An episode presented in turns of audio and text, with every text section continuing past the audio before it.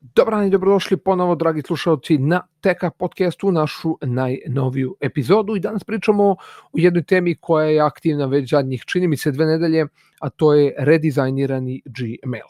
Google je ranije ovog meseca objavio naravno da će da izvrši e, kompletnu reviziju dizajna Gmaila koji jeste definitivno zastareo, posebno za desktop i naravno da će on obuhvatiti ne samo korisnički interfejs, nego će doneti i brojne nove opcije i mogućnosti koje će korisnicima olakšati rad i naravno više ga približiti takozvanoj Android verziji.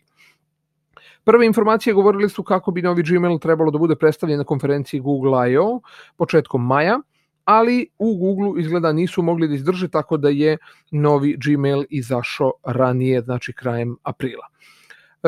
Koji će se naravno odvijati u određenim fazama, tako da ne znam da li su svi dobili, ali bi trebalo da će e, veliki broj e, korisnika dobiti zapravo e, opciju da pređe što pre. Svi korisnici, ako uđete u vaš Gmail, idite na onu ikonicu u gornjem desnom uglu za settings i trebalo bi prva opcija da vam bude try new Gmail. Moguće naravno da vam opcija još uvek nije dostupna, ali definitivno pratite u narednim danima jer bi trebalo da se pojavi. Kao što smo već pomenuli na početku, bit će tu i e, novi, nove opcije koje su preuzete iz e, G Suite-a, takozvanog, znači onog, e, da kažem, paketa za poslovne korisnike.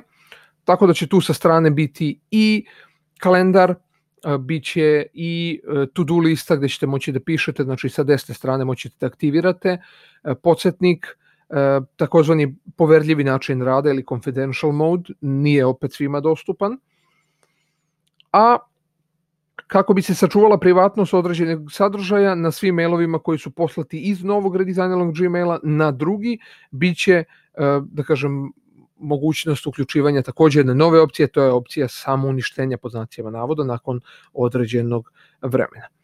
E, u svaki naslov e, poruke, kada neko pređe na njega mišem, pojavit će vam se novi takozvani brzi meni koji će vam e, davati takođe opcije poput snooze maila, brisanja, arhiviranja, pametnih odgovaranja i tako dalje. Znači dosta nekih opcija koje već viđamo na Android aplikaciji. Google će takođe započeti i sa implementiranjem takozvanog phishing upozorenja u okviru mailova, hvala Bogu, što je jako bitno.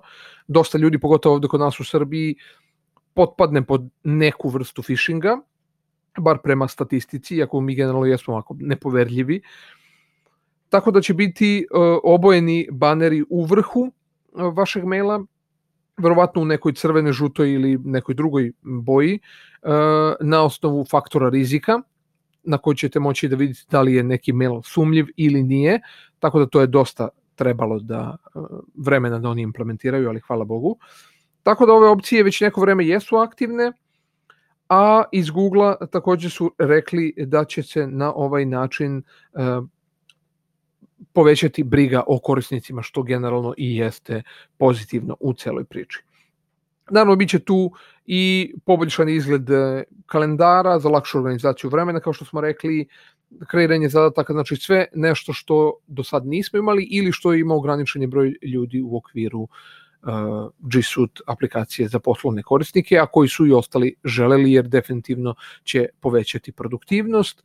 I sam redizajn, s obzirom da sam ja prešao već e, na njega, deluje lepše, deluje bolje radi, imam utisak da brže radi i nekako je to sve za sada vrlo jedno pozitivno iskustvo. Eto, to bi bilo to za sada. Ako niste prešli, gledajte gore u, ako koristite naravno Gmail, gledajte gore u settings ikonici da vam se pojavi trajnju uh, Gmail, već bi trebalo puno korisnika da je prešlo. I eto, to bi bilo to. Za sada vi naravno ostanete u Steka podcast do neke sledeće epizode. Veliki pozdrav!